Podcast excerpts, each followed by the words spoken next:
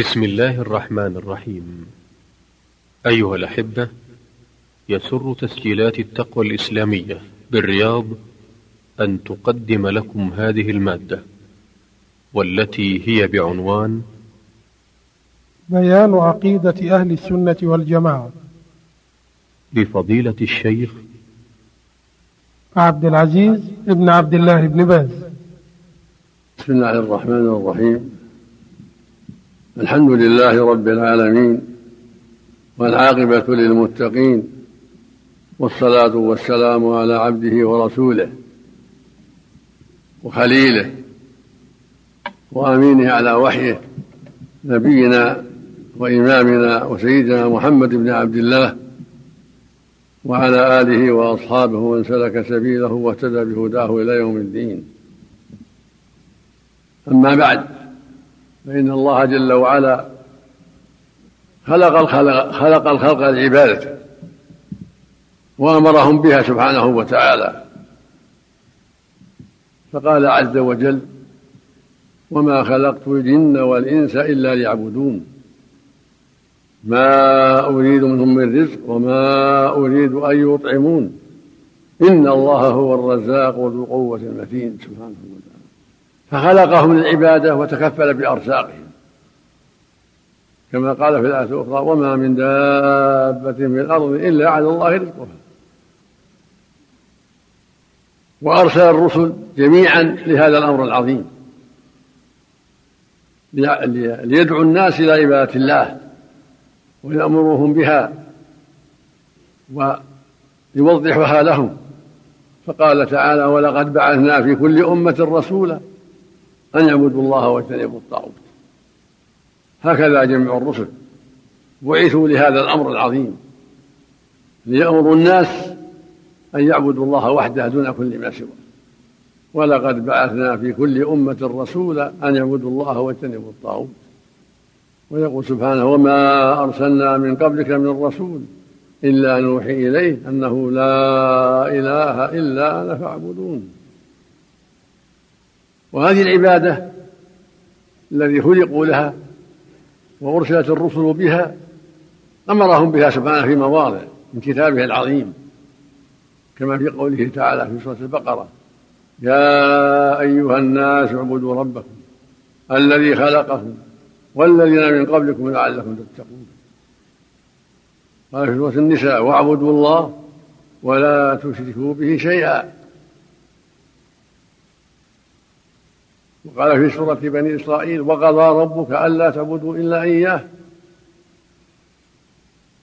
وقال في سورة البينة وما أمروا إلا ليعبدوا الله مخلصين له الدين حنفاء ويقيموا الصلاة ويؤتوا الزكاة. قال سبحانه فاعبد الله مخلصا له الدين ألا لله الدين الخالص. هذه العبادة التي خلقوا, لها قد أمروا بها وبينت لهم في كتاب الله. وفي سنة رسوله عليه الصلاة والسلام وبعث الله بها الرسل جميعا وخاتمهم وأفضلهم وإمامهم نبينا محمد عليه الصلاة والسلام وعيث بذلك. بعثه الله يدعو الناس إلى عبادة الله وتوحيده والإخلاص له. ومكث في مكة بضعة عشر سنة ثلاثة عشر سنة يدعو الناس إلى توحيد الله وطاعة الله. يأمرهم أن يعبدوا الله وحده وأن يخلعوا عبادة ما سواه من الأصنام والأوثان والملائكة والأنبياء وغير ذلك. يقول يا قوم قولوا لا إله إلا الله تفلحوا فأجابه الأقل وأنكر دعوته الأكثرون. ولم يزل صابرا داعيا إلى الله عز وجل حتى أمره الله بالهجرة إلى المدينة بعدما اشتد أذى المشركين له ولم ينقادوا لما جاء به عليه الصلاة والسلام. فهاجر إلى المدينة ومكث بها عشر سنين يدعو إلى الله ويعلم الناس شريعة الله. وأنزل الله عليه القرآن العظيم بعضه في مكة وبعضه في المدينة. وبينه للناس وأرشد الناس إلى ما دل عليه القرآن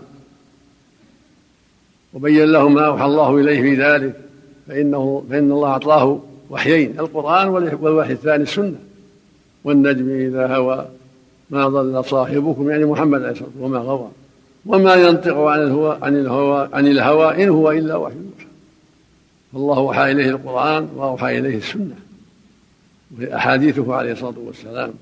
وما بينه للأمة من شرع الله. فتلقى الصحابة رضي الله عنهم عنه هذا الدين العظيم دين الإسلام. ونقلوه إلينا غضا طريا وهكذا نقله التابعون عن الصحابة وهكذا أتباع التابعين ولم يزل أهل العلم ينقلون هذا العلم. من جيل إلى جيل ومن قرن إلى قرن ويكتبون فيه كتب كثيرة ويوضحون للناس دعوة نبيهم عليه الصلاة والسلام وما بينه الكتاب العظيم القرآن من دين الله. فعقيدة المسلمين التي هي عقيدة أهل السنة والجماعة هي ما بين الله للعباد في كتابه العظيم وبينه رسوله عليه الصلاة والسلام وتلقاه الصحابة عن نبيهم رضي الله عنهم وبلغه للناس. هو دين الله. وهو توحيد الله وطاعته واتباع رسوله وترك ما نهى عنه والإيمان بكل ما أخبر الله به ورسوله. هذا هو دين الله. وهذا هو العقيدة التي درج عليها سلف الأمة وهي عقيدة أهل السنة والجماعة. الإيمان بالله ورسوله والإيمان بكل ما أخبر الله به ورسوله والعمل بذلك قولا وعملا وعقيدة عن محبة وانقياد وإخلاص وموالاة ومعاداة.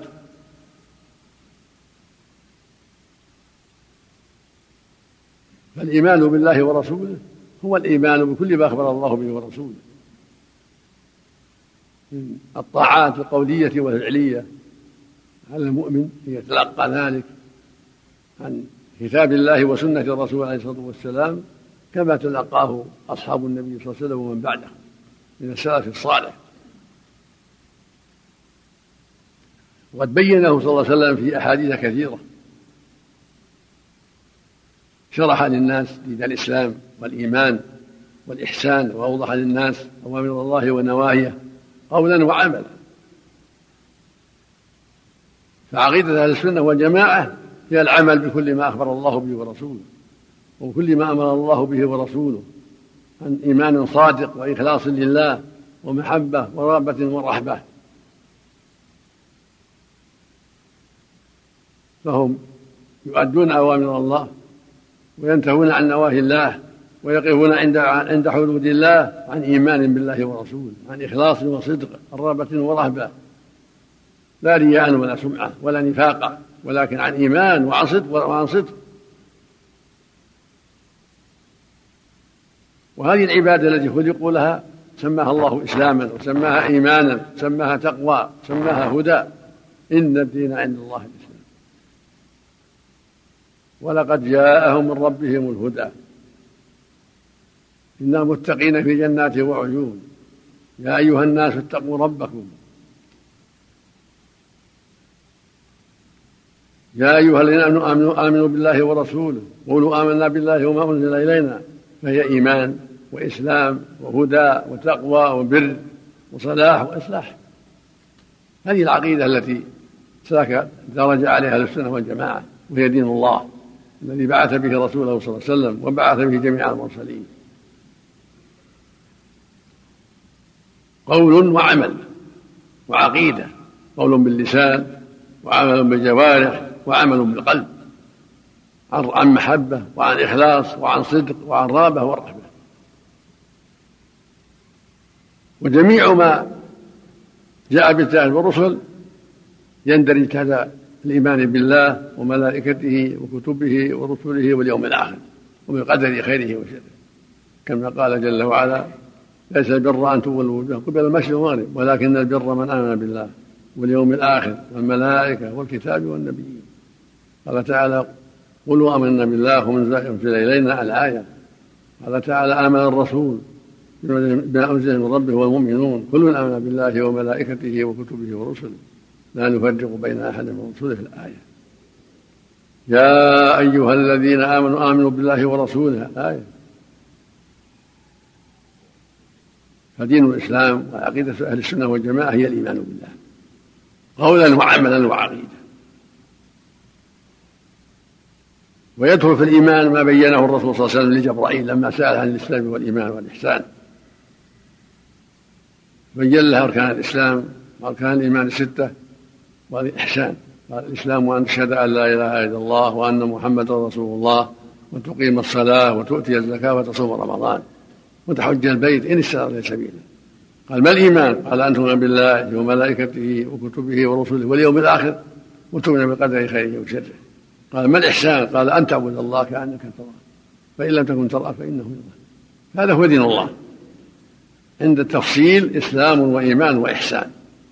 فالإسلام ما أمر الله به ورسوله من أعمال الظاهرة سمى إسلاما يعني خضوعا لله الإسلام الانقياد والذل لله سمى الله دينا إسلاما لأن المسلم ينقاد لله ويذل له ويؤدي حقه عن خضوع وذل وانكسار وهذا هو العبادة سمي عبادة لهذا سمي الدين كله عبادة لأنه يؤدى بالذل والانكسار والخضوع لله سبحانه وتعالى.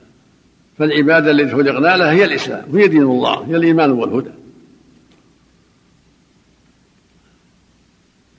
فقوله الإسلام أن تؤمن بالله إلى آخره داخل في قول الإسلام أن تشهد أن لا إله إلا الله إلى آخره داخل في قوله أن تؤمن بالله. فالعقيدة التي تلقاها أهل السنة والجماعة عن أصحاب النبي صلى الله عليه وسلم وتلقاها أصحاب النبي عن رسول الله هي الإيمان بالله وملائكته وكتبه ورسله وباليوم الآخر وبالقدر خيره وشره هذه ستة الأصول هي أصول الدين كله. يدخل في الإيمان بالله الإيمان بكل ما أمر الله به وشرع من الإسلام من من توحيد الله والإخلاص له والشهادة بأنه لا إله إلا الله أي لا معبود حق إلا الله والشهادة بأن محمدا عبد الله ورسوله عليه الصلاة والسلام. ويدخل في ذلك الصلاة والزكاة والصيام والحج كله داخل في الإيمان بالله والإيمان بجميع المرسلين كما نص عليه جل وعلا كتابه العظيم نص عليه الرسول صلى الله عليه وسلم. فالإيمان بالله يشمل ذلك كله.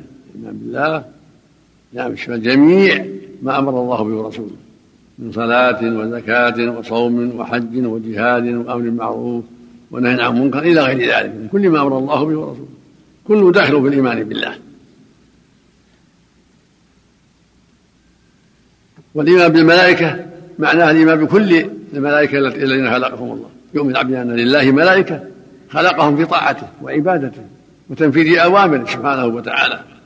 نؤمن بهم جميعا وأنهم خلقوا من النور خلقهم الله من النور وأنهم في طاعته واتباع أمره وتنفيذ أوامره سبحانه وتعالى. لا يحصي عددهم من الله جل وعلا. نؤمن بهم إجمالا وتفصيلا. نؤمن بالملائكة إجمالا وأن لله ملائكة في طاعته واتباع أوامره وتنفيذها ومنهم من فصله الله لنا وبين لنا أسماءهم كجبرائيل وميكائيل وإسرافيل ومالك هذه النار. هؤلاء بينهم سبحانه وتعالى وهكذا ملك الموت ومن سماه الله من غيرهم نؤمن بهم على سبيل التفصيل. وهكذا كتب نؤمن بها كل داخل في الإيمان بالله وداخل في الإسلام. الكتب التي أنزلها الله على الرسل فإن الله جل وعلا أرسل الرسل وأنزل عليهم كتب لقد أرسلنا رسلنا بالآيات وأنزلنا إليهم الكتاب والميزان وأنزلنا معهم الكتاب والميزان.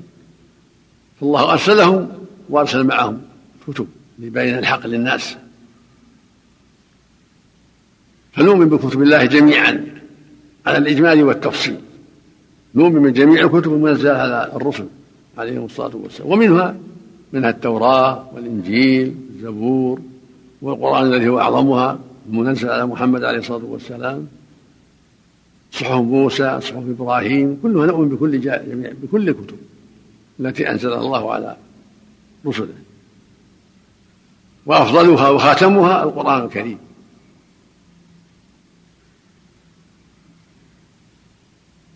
وهكذا نؤمن بجميع الرسل من أولهم إلى آخرهم نؤمنهم جميعا وأنهم بلغوا الرسالة وأدوا الأمانة.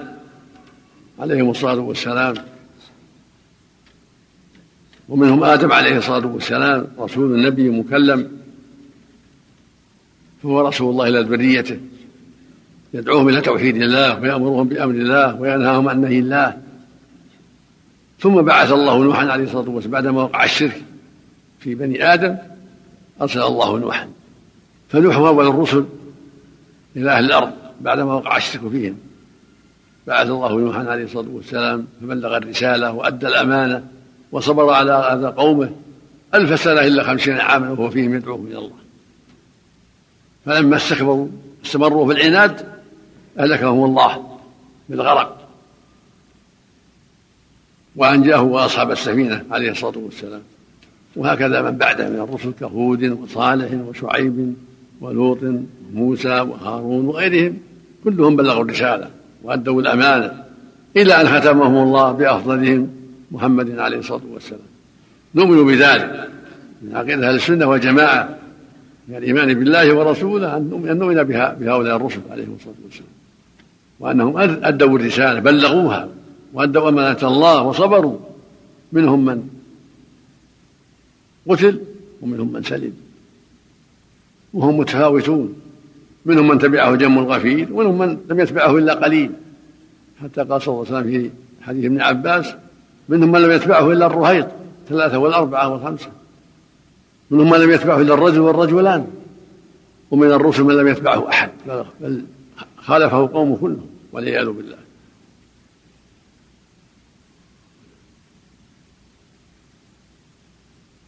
وهكذا نؤمن باليوم الآخر وهو الأصل الخامس من أصول الإيمان نؤمن باليوم الآخر. فأهل السنة والجماعة يؤمنون باليوم الآخر وهو يوم القيامة. سمي آخر دبر الدنيا. الدنيا ثم يوم القيامة. حين تقوم الساعة تذهب الدنيا والدنيا هي اليوم الأول وتقوم الساعة وهو اليوم الآخر. ويجازى الناس بأعمالهم في هذا اليوم الآخر.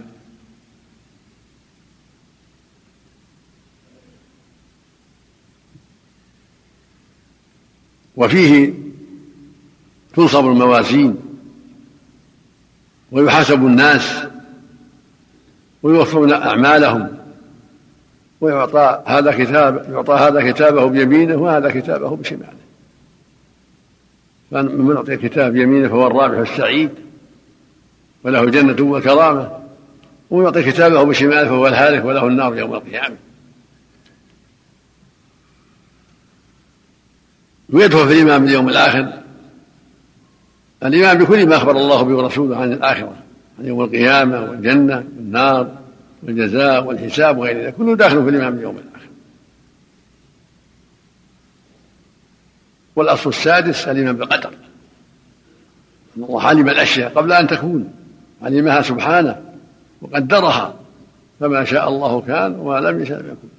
فعلم أعمال العباد وما يقع في هذه الدار وما يقع في الآخرة كل ذلك علمه سبحانه وأحصاه وكتبه. فالمسلمون تلقوا عن نبيهم صلى الله عليه وسلم الإيمان باليوم الآخر كما دل عليه القرآن قولوا آمنا بالله إلى آخره ولكن البر من آمن بالله واليوم الآخر.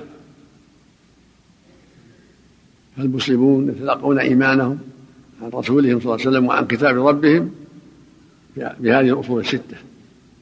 الإيمان بالله وملائكته وكتبه ورسله واليوم الآخر وبالقدر خيره وشره فتؤمن بأن الله علم الأشياء كلها وأنه أحصاها وكتبها وأنه سبحانه هو القادر على كل شيء العالم بأحوال عباده وأن العباد لن يخرجوا عن قدر الله وما سبق في علمه سبحانه وتعالى. ولما أخبر النبي صلى الله عليه وسلم الصحابة بذلك قال يا رسول الله إذا كان الله قد قدر كل شيء أفلا نتكل على كتابنا وندع العمل؟ قال اعملوا. اعملوا فكل ميسر لما خلق له.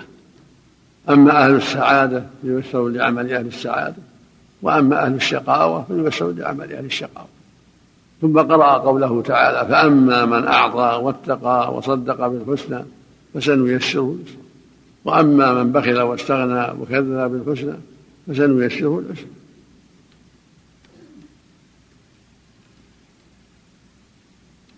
ومن الإيمان بالله أيضا الإيمان بأسمائه وصفاته كما أنه داخل في ذلك الإيمان بشرائعه من صلاة وزكاة وصوم وحج وجهاد وأمر بالمعروف ونهي المنكر إلى غير ذلك كله داخل في في الإيمان بالله.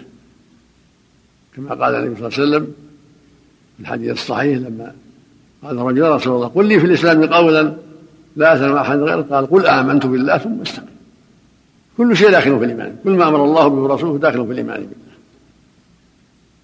وهكذا قال جل وعلا إن الذين قالوا ربنا الله ثم استقاموا تتنزل عليهم ألا تخافوا ولا تحزنوا وأبشروا بالجنة التي كنتم توعدون. فمن آمن بالله ربا وإلها ومعبودا بالحق واستقام على دينه فهذا هذا هو دين الله. وهذا هو الإسلام. وهذا هو الإيمان. وهذا هو الهدى. وهذا هو العبادة التي خلقنا لها. الإيمان بالله ثم الاستقامة. الإيمان بالله ربا وإلها ومعبودا بالحق والإيمان بكل ما شرع من الأوامر والنواهي والعمل بذلك. هذا كله العبادة. وهذا هو الدين. وهذا هو الإيمان بالله. وهذا هو الإسلام. وهذا هو الهدى. وهذا هو التقوى. ومن الإيمان بالله الإيمان بأسمائه وصفاته. كله داخل في الإيمان بالله. الإيمان بأنه سبحانه حكيم عليم رحمن رحيم على كل شيء قدير وبكل شيء عليم وأنه سبحانه بيده تصريف الأمور والقادر على كل شيء وإليه مصير العباد.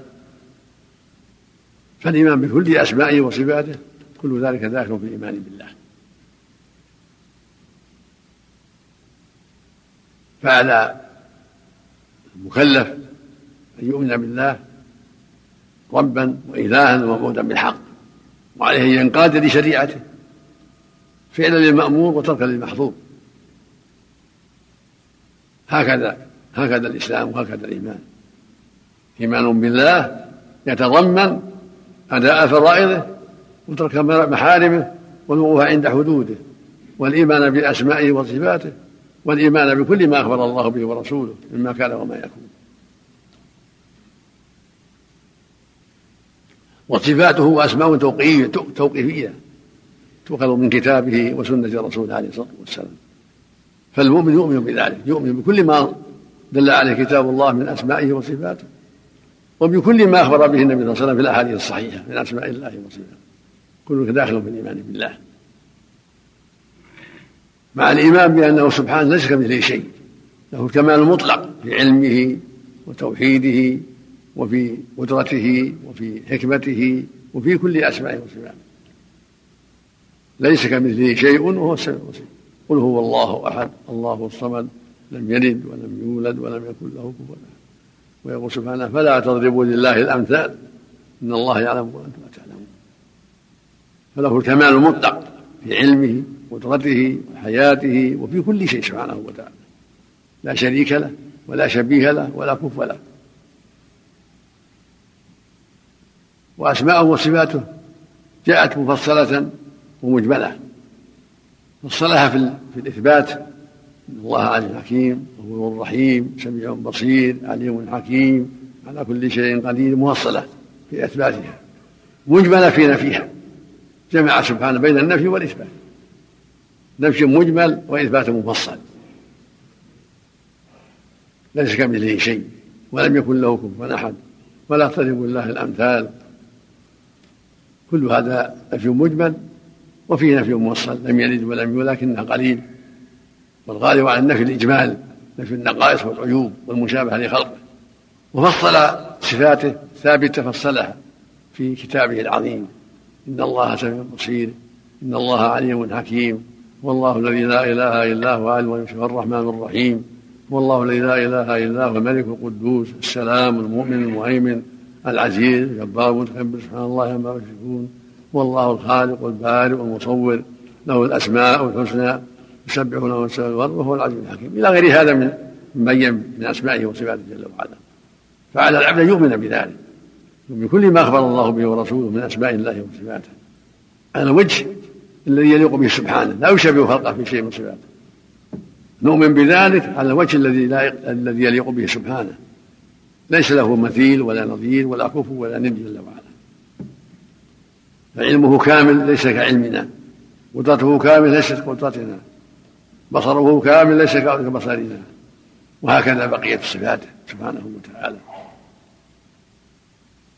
وهكذا يسمع ويبصر. ليس كسمعنا وبصرنا بل هو أكمل وأعظم. وهكذا موصوف بأن له يد بل يداه مبصرتان سميع بصير وله قدم.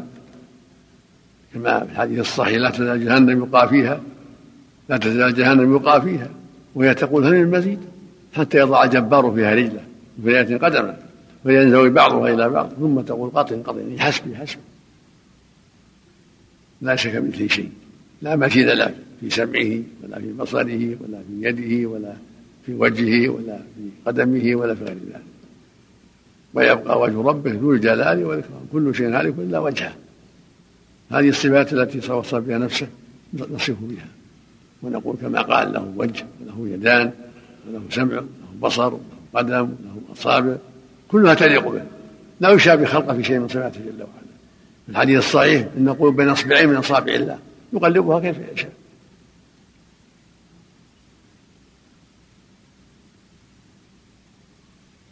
وعرفت أن الإيمان بالكتب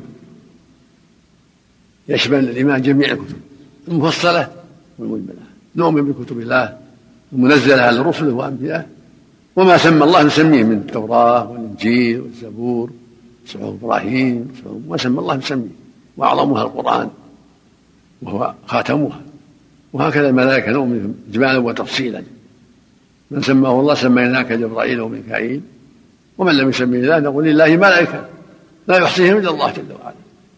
يقول النبي صلى الله عليه وسلم في شأنهم في البيت المعمور الذي فوق السماء السابعة على وزان الكعبة يدخله كل يوم سبعون ألف ملك ثم لا يعودون إليه آخر كل يوم سبعون ألف ملك للتعبد ثم لا يعودون فمن يحصيه من الله جل وعلا.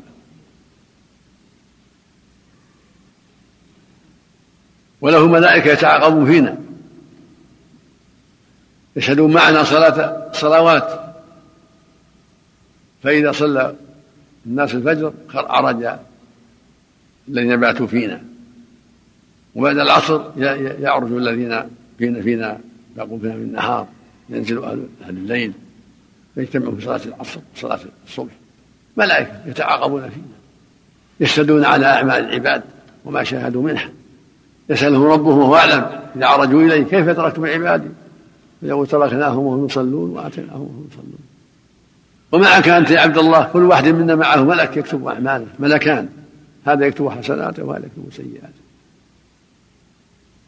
ما يلفظ من قول إلا لديه رقيب عتيد وإن عليكم لحافظين كراما كاتبين على ما فجدر بك يا عبد الله أن تحرص على إملاء الخير على هؤلاء الملائكة.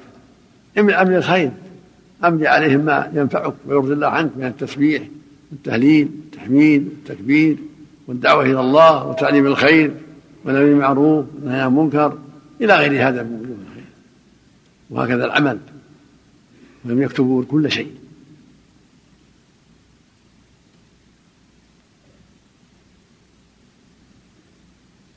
وعلينا أن نؤمن باليوم الآخر علينا جميعا على جميع المكلفين من الجن والإنس الإيمان باليوم الآخر. يدخل فيه كل ما أخبر الله به عن يوم القيامة كله داخل في الإيمان باليوم الآخر. الجنة والنار والحساب والجزاء توزيع الكتب على الناس والمر على الصراط يوم القيامة مر المؤمن على الصراط إلى الجنة إلى غير هذا من كل ما أخبر الله به ورسوله في اليوم الآخر. علينا أن نؤمن بذلك وأن الله يبعث عباده بعد مماتهم في آخر الزمان عند قيام الساعة يرسل الله ريحا طيبة تقبض أرواح المؤمنين والمؤمنات. فلا يبقى إلا الإشرار إلا الأشرار في خفة الطير وأحلام السباع.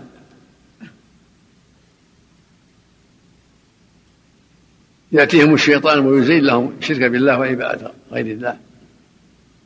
فيعبدون غير الله. وتمتلئ الأرض من شر من شركهم وكفرهم وضلالهم وعليهم تقوم الساعة نسأل الله.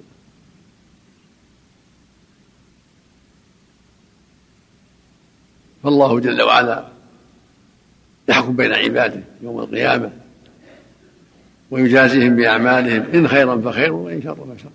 كما قال جل وعلا ولله ما في السماء وما في الأرض ليجزي الذين أساءوا بما عملوا ويجزي الذين أحسنوا بالحسنى.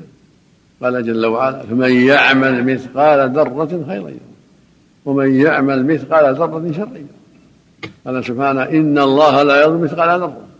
وإن تكن حسنة يضاعفها ويؤتي من لدنه أجرا عظيما.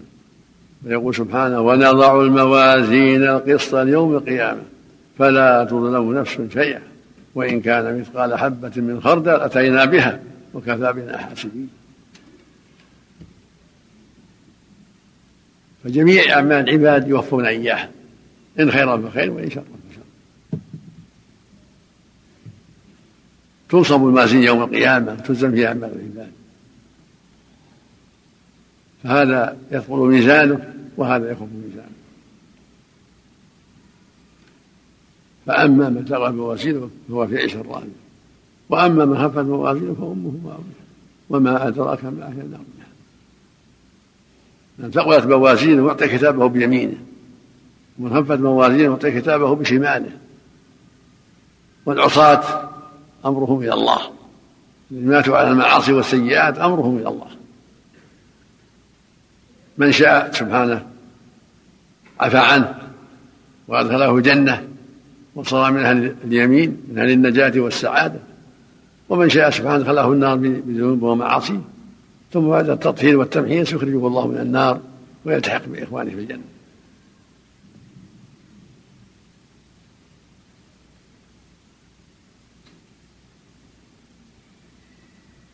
وأهل الجنة فيها منعمون أبد الآباد. لا يبولون ولا يتغوطون ولا يمتخطون بل في نعيم دائم وخير دائم.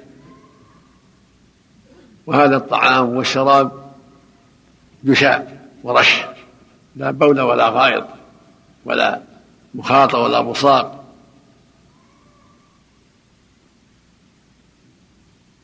وأهل النار في عذاب وبلاء. أبد الآباد نسأل الله. يريدون أن يخرجوا من النار وما هم بخارج منها ولهم عذاب مقيم. كذلك يريهم الله أعمالهم حسرات عليهم وما هم بخارج من النار. وسقوا ماء حميما فقطع أمعاءهم هذه نهاية الناس هذه النهاية. يجد من عاقل أن تكون هذه النهاية على باله. وألا يغفلها فلا بد منها. ومن مات فقد ما فقد قامت قيامته.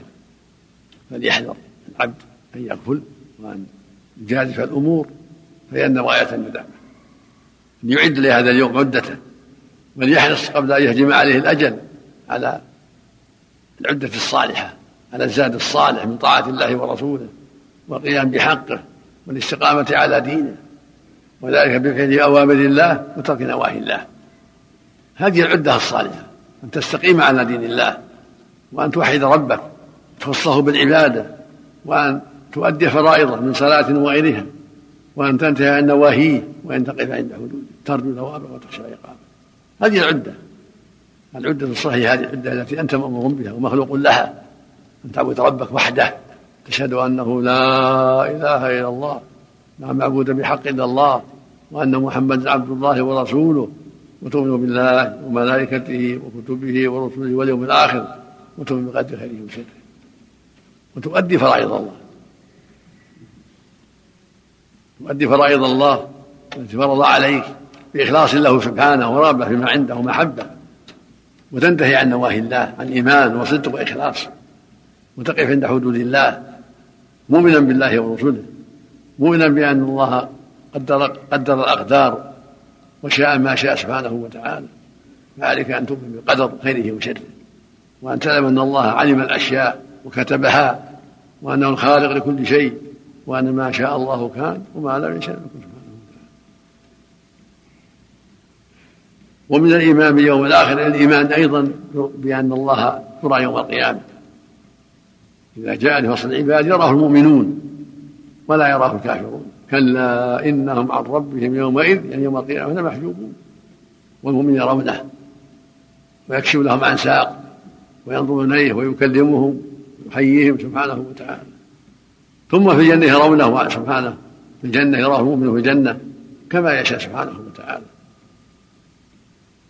وما أعطوا في الجنة شيئا أحب إليهم من النظر لوجهه كما قال تعالى للذين أحسنوا الحسنى وزيادة. الحسنى الجنة والزيادة النظر إلى وجه الله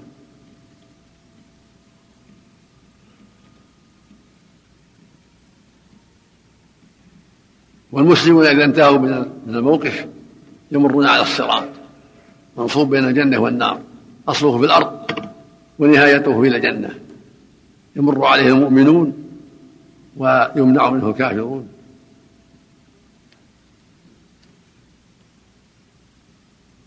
فاحرص على العدة التي هي السبب في مرورك من الإيمان بالله والتقوى. وعليه كذلك تخطف الناس بأعمالهم. منهم من يخطف وينجو ومنهم من يخطف ويخطف ويسقط بسبب معاصيه. والكفار لا يمرون عليه فليساقون إلى النار. ويحشرون إليها كما ضيعوا أمر الله وأشركوا به وكفروا به. يحشرون إليها.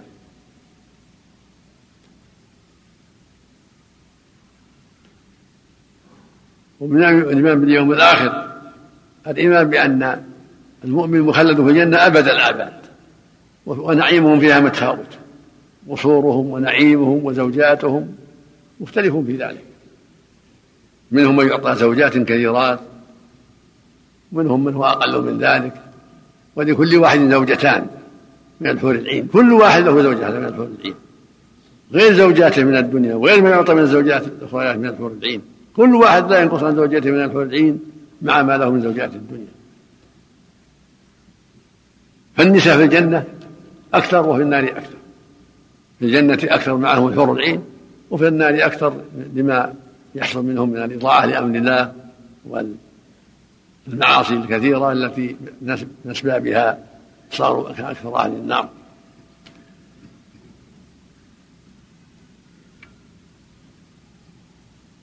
قال الرسول صلى الله عليه وسلم رأيتكن أكثر أهل النار. قال لهم لما يا رسول الله؟ قال لأنكن تكثرن اللعنة تكثرن اللعنة وتكفرن العشير يعني تكثرن السب والشتم وتكفرن الأزواج والإحسان. لو أحسن الزوج إلى إحداكن الدهر ثم رأت منه شيئا قالت ما رأيت منك خيرا قط. وصف أغلبي إنكار الجميل عند عند أقل شيء من الزوج. لهذا كنا أكثر أهل النار بسبب المعاصي والشرور وكفران العشير وعدم الإيمان بالله ورسوله. وهن أكثر أهل الجنة لما معهن من الحور العين فالمؤمنات في الجنة مع أزواجهم المؤمنين ولأزواجهم مزيد من الحور العين لكل واحد زوجتان من الحور العين وقد يزاد بعضهم زوجات كثيرات على حسب أعمالهم الصالحة. لكن أقلهم من له زوجتان من الحور العين غير نصيب من زوجات الدنيا.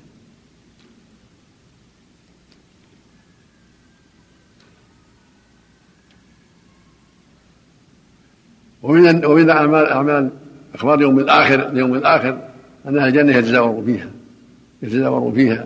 وهم في نعيم دائم. لا يتغوطون ولا يبولون ولا يدفلون قلوبهم قلب رجل واحد. على قلب رجل واحد. لا اختلاف بينهم ولا تباعد. يسبحون الله بكرة وعشيا يتنعمون بالتسبيح والتهليل والتحميد والتكبير والذكر لله عز وجل. وهم مع تزاورهم واختلاف منازلهم في الجنة لا اختلاف بينهم ولا تباعد كل واحد يرى أنه في نعمة ليس فيها غيره من النعم النعيم العظيم. ليس يعتري حزن ولا مضايقة بل في نعيم دائم وسرور دائم مع لقائه لإخوانه في الأوقات التي يشاءها الله. ولهم مواعيد مع ربهم يزورونه ويسلمون عليه وينظرون إلى وجهه الكريم على حسب مراتبه. كل هذا من الإيمان باليوم الآخر.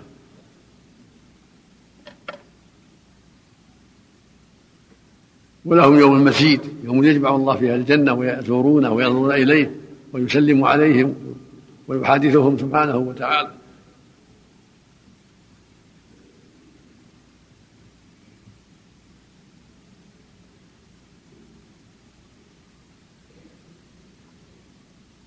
ومن الإيمان باليوم الآخر الإيمان بأن جميع الخلائق يوفون أجورهم في ذلك اليوم. ما أحد يضيع حقه. كل يعطى حقه. من مسلم وكافر وعاصي ولو مثقال الذرة لا يضيع ولو مثاقل الذرة. فمن يعمل مثقال ذرة خيرا يره ومن يعمل مثقال ذرة شرا يره فالواجب على كل مكلف من الرجال والنساء أن يعد العدة لهذا اليوم. وأن يكون على باله على الرجل أن يعد العدة وأن يتقي الله ويستقيم على دين الله وأن يحافظ على ما وجب الله عليه من صلاة وغيرها. وعلى المرأة كذلك أن تؤدي حق الله وأن تستقيم على دين الله وأن تفقه في دين الله وأن تؤدي حق زوجها بالمعروف وأن تحذر كفر العشير وإيذاء الزوج بغير حق. وعلى الزوج يتقي الله في أهله وأن وأن يظلمهم قال تعالى وعاشروهن بالمعروف. فعلى الزوج يتقي الله وأن يعاشر بالمعروف وعلى الزوجة أن تتقي الله وأن تسمع زوجها بالمعروف وعليهما يتعاونا على البر والتقوى على طاعة الله ورسوله حتى تكون زوجته بالجنة وحتى يكون زوجها بالجنة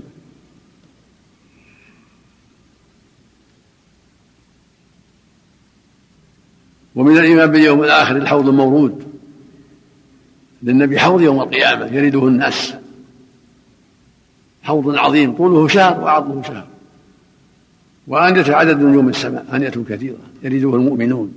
أتباع النبي صلى الله عليه وسلم يريدونه ويصابون منه يوم القيامة.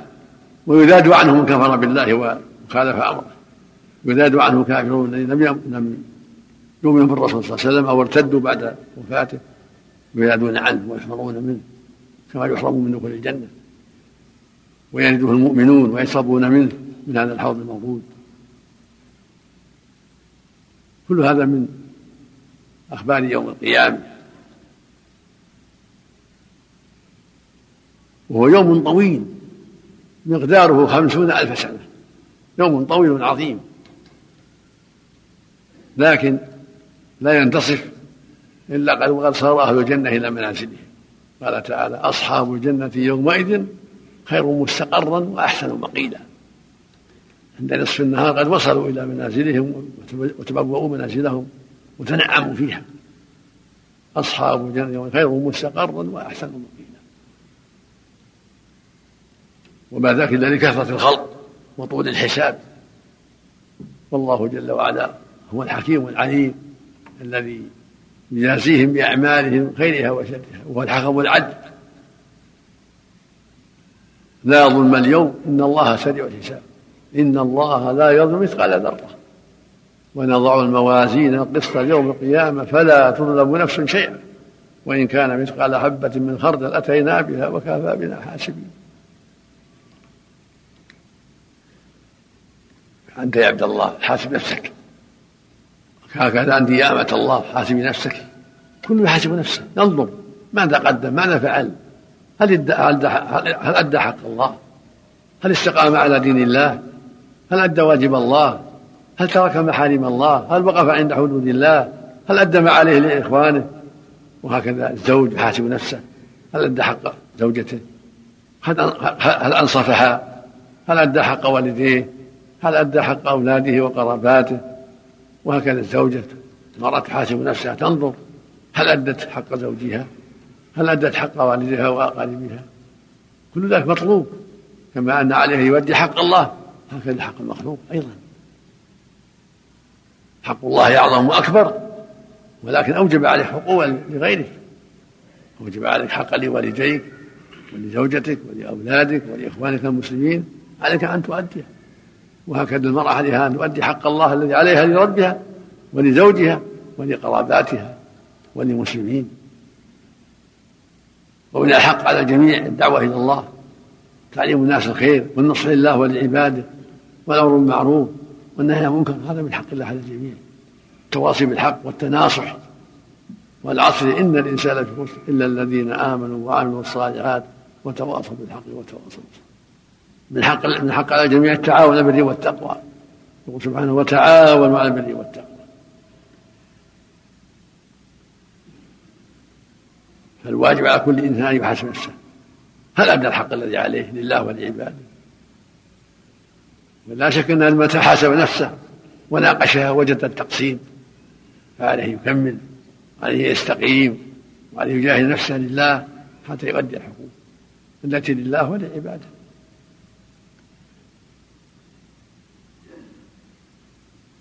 وأهل السنة والجماعة يؤمن أيضا بكلام الله وأنه يكلم أهل الجنة ويكلم عباده يوم القيامة ويسمعون كلامه سبحانه وتعالى. ويسلم على الجنة ويقول هل رضيتم فيقول يا ربنا وما لا نرضى وقد أعطيتنا ما لم تعطي أحدا من خلقك. لم تثقل موازيننا ألم تدخلنا الجنة؟ ألم تجنا من النار؟